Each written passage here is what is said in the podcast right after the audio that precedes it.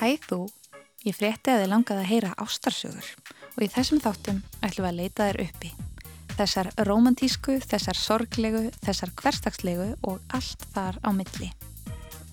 Heyri mína bæn, litla sæta ljúfan góða. Í gegnum borgina ég brýt mér leið og ég stíg minn hinsta dans.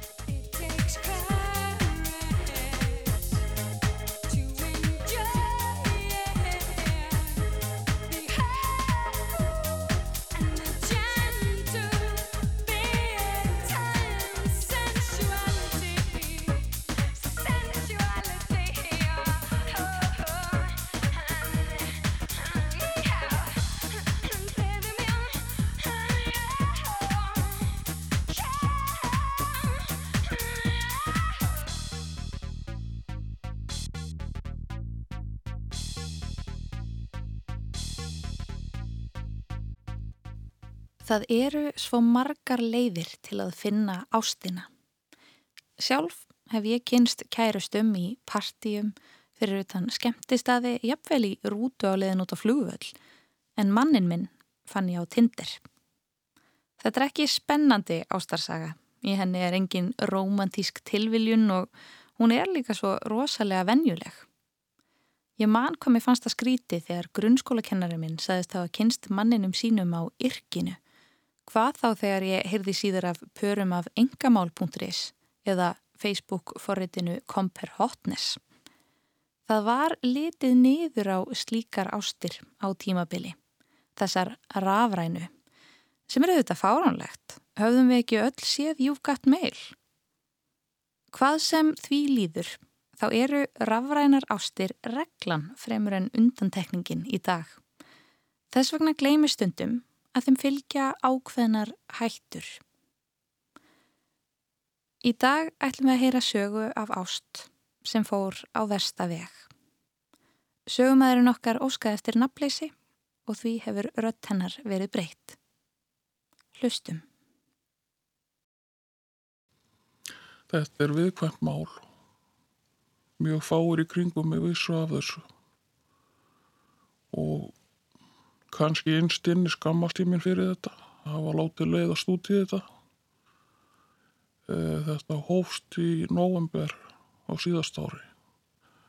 E, á þessum tíma þá var ég var ég eitthvað svona ósáttu sjálfa mig og, og fannst ég ekki fá það út úr lífinu sem ég vildi.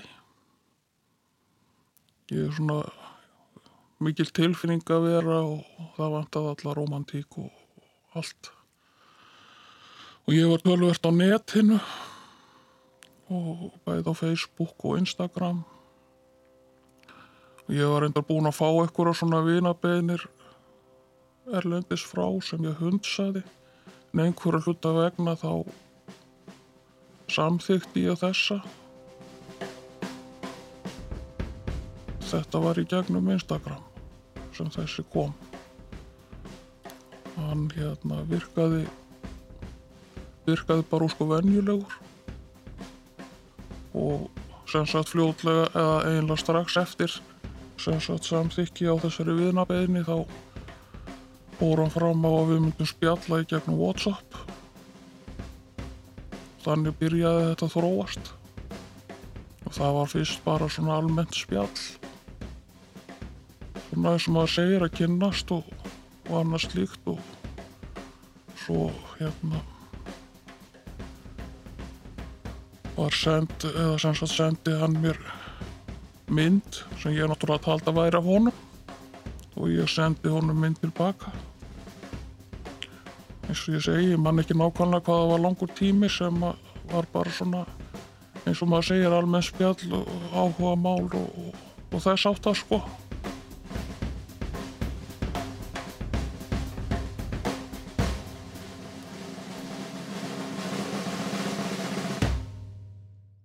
Hann sagðist bú í Belgíu, allt í góðu með það. Og hann hefði áður sagt, búið og starfaði í, í París, eitthvað í fjármálageranum, farið ílað þar og, og eiginlega mista allt sitt þannig.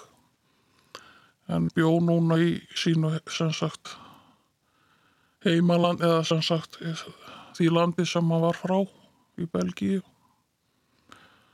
Einhver tíman í þessu ferli þá sagði hann mig frá því að hann langaði svo til að stopna lítið fyrirtæki, svona varahluta verslun fyrir bíla.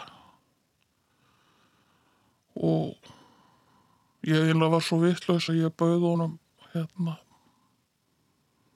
að senda honum svona eitthvað smá start inn í það. Eða svona hann kannski var búin að tala utan á því að, að hérna, það var í gott að fá eitthvað, smá styrk. Og ég var bara grunnlaus, ég var bara gjössanlega græn í gegn eins og maður segir. Svo fer þetta eiginlega að þróast út í já bara seg, segir mér að hans tilfinningar til mín séu bara þess eðlis að hann vilji að þetta gangi lengra. Og sagði svona í rauninni allt sem að þú veist bara konur vilja heyra. Mjög romantíst og fallegt allt saman.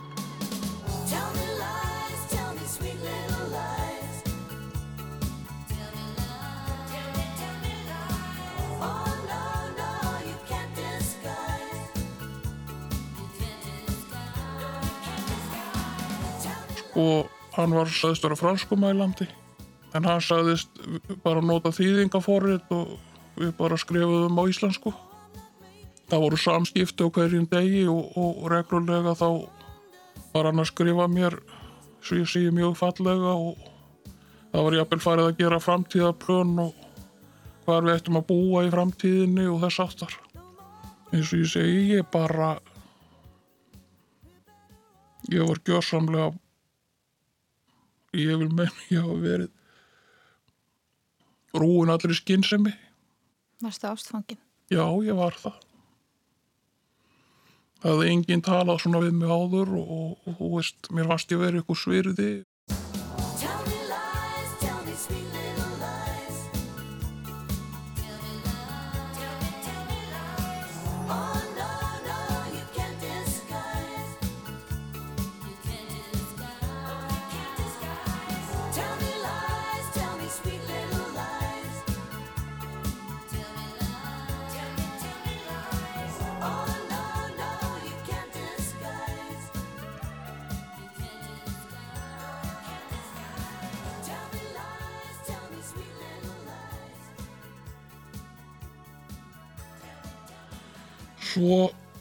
segir hann mér einn daginn að hann þurfi að fara í smá verkefni til Afríku. Uh, hann þurfi að fara út með einhverja bíla og selja þá þar. Ég einhvern veginn sko held áfram að vera alveg græn. Sendir með mér að sé að mynda einhverjum bílum sem var búið að setja inn í gáma átt að fara með skipi út til Burkina Faso í Afríku. Og svo kemur dagurinn sem að hann sagðist þurfa að fljúa sjálfur. Hann sendi mér mynd af sér á flugvellinum og komin inn í flugvelina og, og þetta var þannig með þessa upphæð sem ég sendi honum, hún var ekki há. Ég mann endar nákvæmlega ekki hver hún var. En hann sagðist myndi leysa hana út bara þegar hann væri komin á áfangastað. Meiri parturinn af þessum upphæðum sem ég sendi honum til að byrja með voru í gegnum Monogram og svo ég heldur nú áfram með þennan dag sem hann sagðist alltaf að fara að leysa út peningin þá næ ekki sambandi við hann í allt í langan tíma. Var hann að hafa áhyggjur og svona eins og gengur og gerist. Svo allt í hennu hefur hann sambandi í gegnum eitthvað óþekkt númer og hann sagði mér að hann hefði verið rændur. Það var ráðist á mig og ég var rændur sagði hann. Og öllu stólið af mér. Peningunum og skilríkjunum og símanum og öllu. Og hann sagðist vera komin inn á spítala. Mér leiði illa. Því að mér var farið að þykja væntu þannig mann. Í gegnum allt okkar spjall. Hann sagði að læknirinn það væri mjög góður læknir þarna sem var að hugsa um sig og hann hefði lánað sér síma og hann sagði sem ég taldi að vera umhyggju um mig að ég skildi skipt um símanúmer. Þetta glæpa gengi gæti mögulega reynd að ná á mig og haft út úr mér eitthvað. Og ég náttúrulega trúði öllu og ég let skipt um símanúmer. Svo segir hann mér hvort það var sama dag en eitthvað daginn eftir að hann myndi þurfa að fara í aðgerð. Og það út af þessum meðslum sem hann hlaut í samskiptum við þetta glæpa gengi. Og það kostaði þetta alltaf mikla pening og hann ætti enga peninga. Ég náttúrulega gæti ekki hugsað mér annað en að reyna honum. Sem ég og gerði. Og þarna var ég að þó bara að ganga á spari fjöð mitt. En það átti eftir að ganga út í lántökur.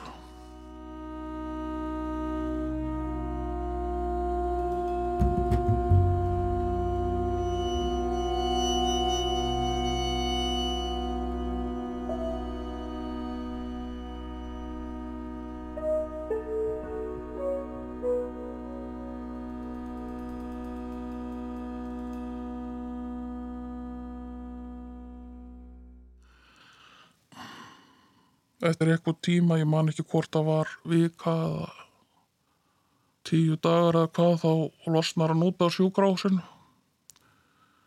og segði að læknirinn hefði útvegað sér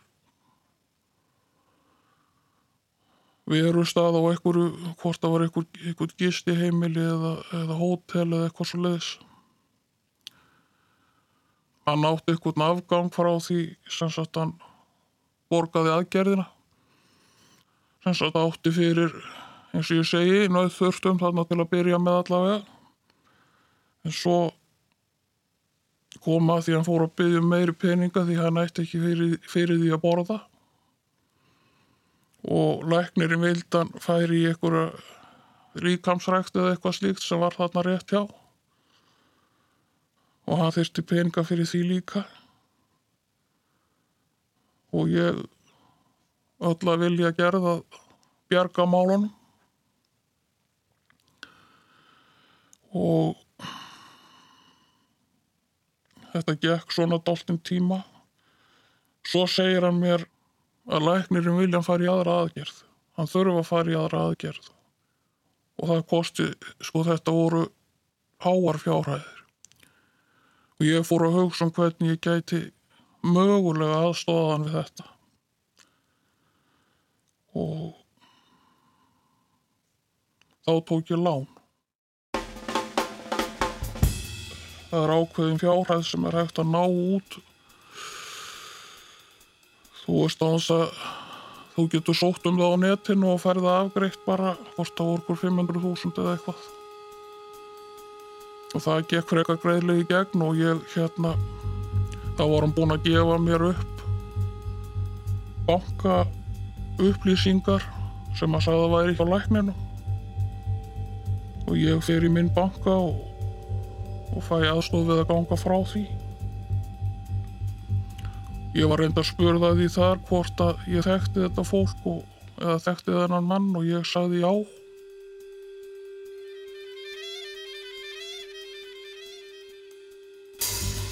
Ég var sagt svona fínlega vöruð við en áfram hélt ég samt. Og svo kemur að því að hann segist þurfa að fara að leysa út þessa bíla sem hann sendi á stað þarna áður en hann fór frá Belgíu. Og þá þurfi meiri peninga til þess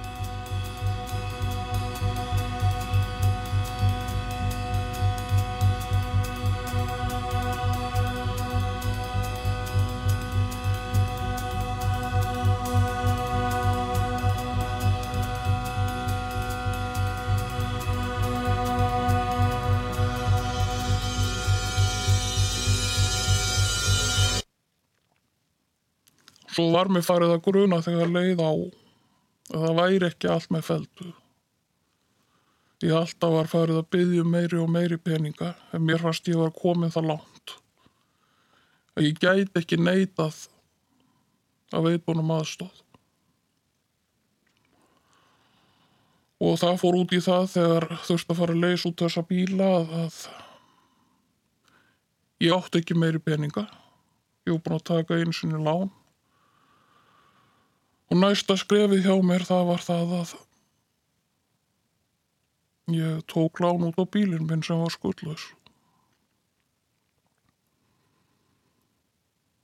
Og mér þótti það frekar erfitt, en ég gerði það samt. Og það gekk í gegn á þorláksmessu, ég man það, fyrir síðustu jól. En þetta var samt ekki nóg. Það vantaði meira. Og ég var farin að huglega það að selja bílinn til þess að geta, eins og ég segi, dekkað afgangin. Svo einhvern veginn var þetta komið á það stig, náttúrulega alltaf þetta spjall á hverju meinasta degi og, og það var jáfnvel farið að planleggja hvað við ættum að búa í framtíðinni og hann vildi nú tímabili koma til Íslands en ég einhvern veginn talaði hann af því, út af því. Ég veit það ekki, ég bara mér fannst einhvern veginn að ég vildi bara byrja nýtt líf annar staðar. Við vorum farin að tala um Svíþjóð. Ég þekkti aðeins til þar að því að vinkona mín býrðar úti. Og hann var alveg á því að fallast á það. I feel so unsure as I take your hand and lead you to the dance floor as the music dies. Something in your eyes calls to mind the silver screen and all its sad goodbyes. I'm never gonna dance again. Guilty feet have got no rhythm, though it's easy to pretend. I know you're not a fool. Should've known better than to cheat a friend. Waste the chance that I've been given. So I'm never gonna dance again the way I danced with you.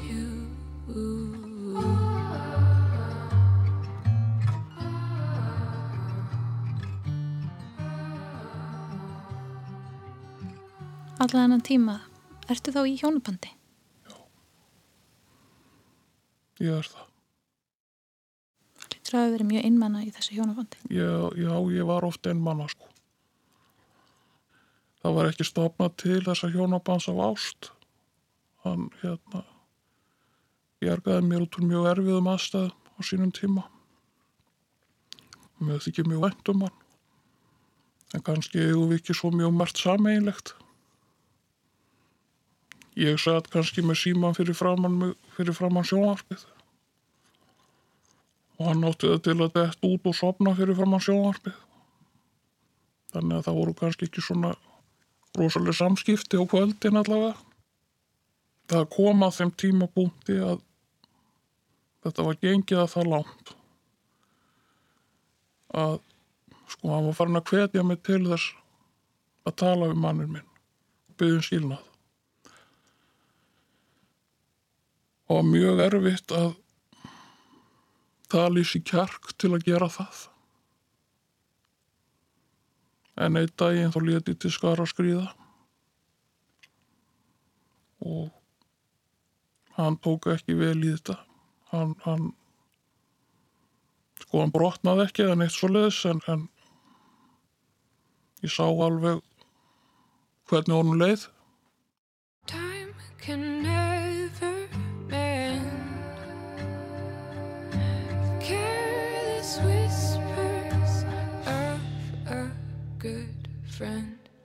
The heart and mind. Ignorance is kind. There's no comfort in the truth. Pain is all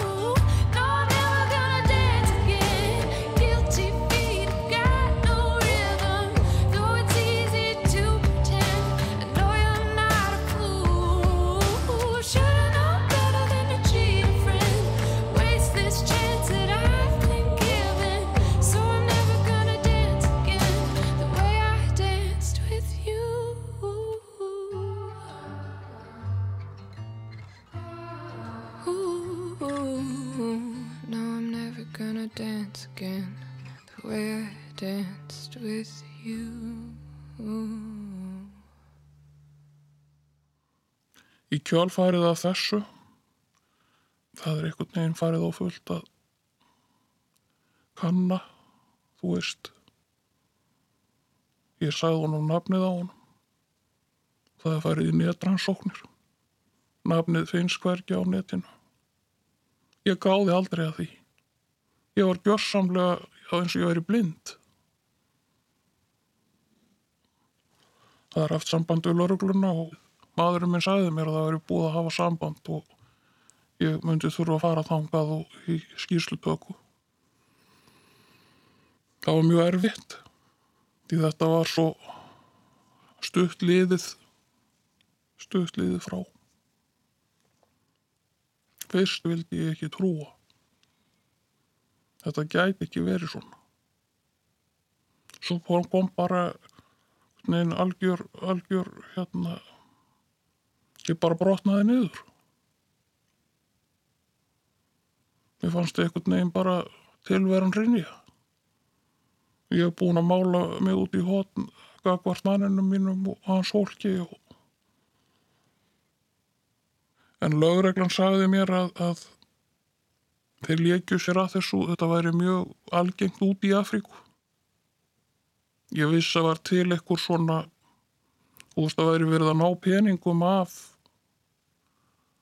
kannski sérstaklega konum en ég einhvern veginn spáði aldrei neitt í það fyrir ég lendi þessu sjálf. Daginn áður en ég hitti lögregluna þá sagði ég honum bara að maðurinn minn og fólkið hans væri búið að koma að staðis og ég er að klippa á þetta. Einu sinni áður ætlaði ég að klippa á þetta því þá fannst mér þetta orðið eitthvað stressandi ætlaði það hafi ekki verið eitthvað tíman fyrir jólin og þá hótaði hann að drepa sig þá ætti ég við En þegar þú segir honum þarna endanlega að þú sést að klippa á þetta, mm. segir honum að þú veist að hann er að blekja þig. nei, ég gerði það ekki Hvað er hann?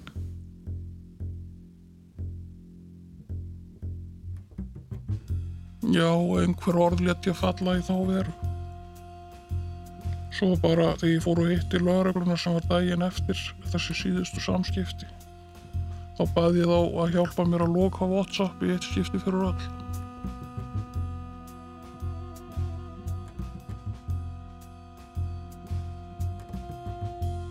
Þetta fór samtals yfir 2 miljónir.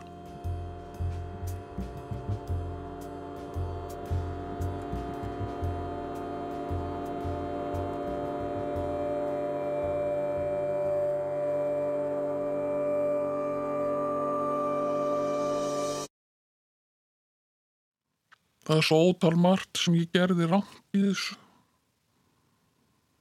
Jafnvel þegar mig var farið að gruna eitthvað, ég hjælt samt áfram. Að því mér fannst ég ekki geta, að því einstinni að nánast allan tíma trúði ég því þessi maður væri til og hann meinti það sem hann sagði við mig.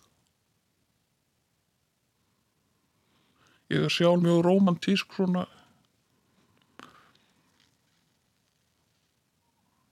og hef, hef hef, hefur alltaf langað til að upplifa slíkt gagkvæmt ég hef kannski á þessum tíma verið eitthvað að leita eftir slíku og ekki hugsað um afleiðingarnar sem það gæti haft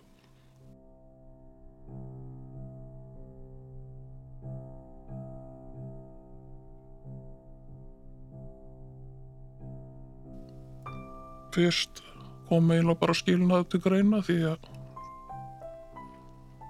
þú veist hann og rauninni hvorútt okkar hafði tækifæri til að hugsa málið til hlítar. Og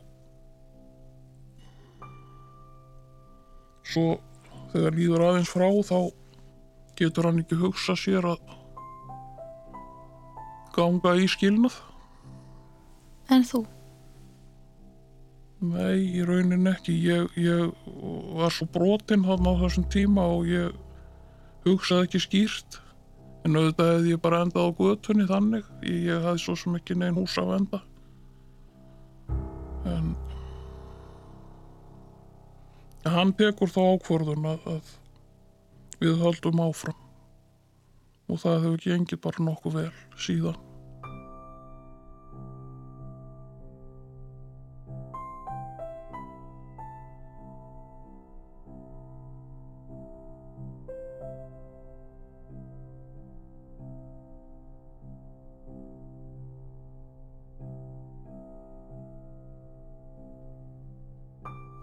Hvernig ertu stödd fjárhagslega í dag?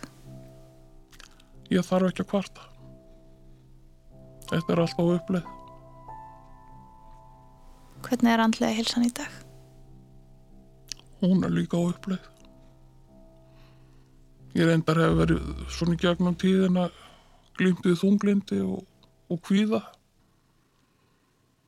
En eins og ég segi, mér finnst allt einhvern veginn vera á uppleið núna. Líður mikið betur og meira jafnvægi og nokkuð sátt við lífið. Hvernig eru samskiptinu við mannin þín? Mér finnst þau bara í rauninni góð miða við það sem á undan er gengið.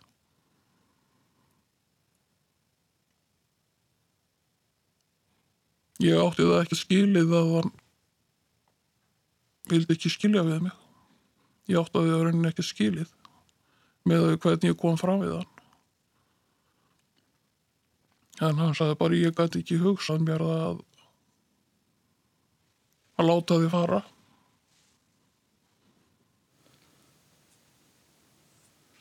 Heldur að hann elski þig á romantískan hátt? Ha- Hann er ekki romantískur, elsku kallinn minn. En hann er mjög góðu vinnur.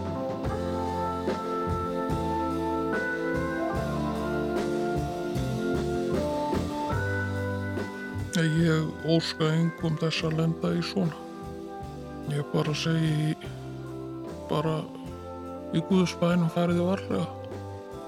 Ekki treysta öllu. We skip the light fandango.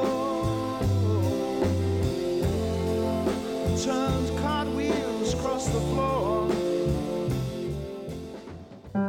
Rás 1 fyrir forvitna.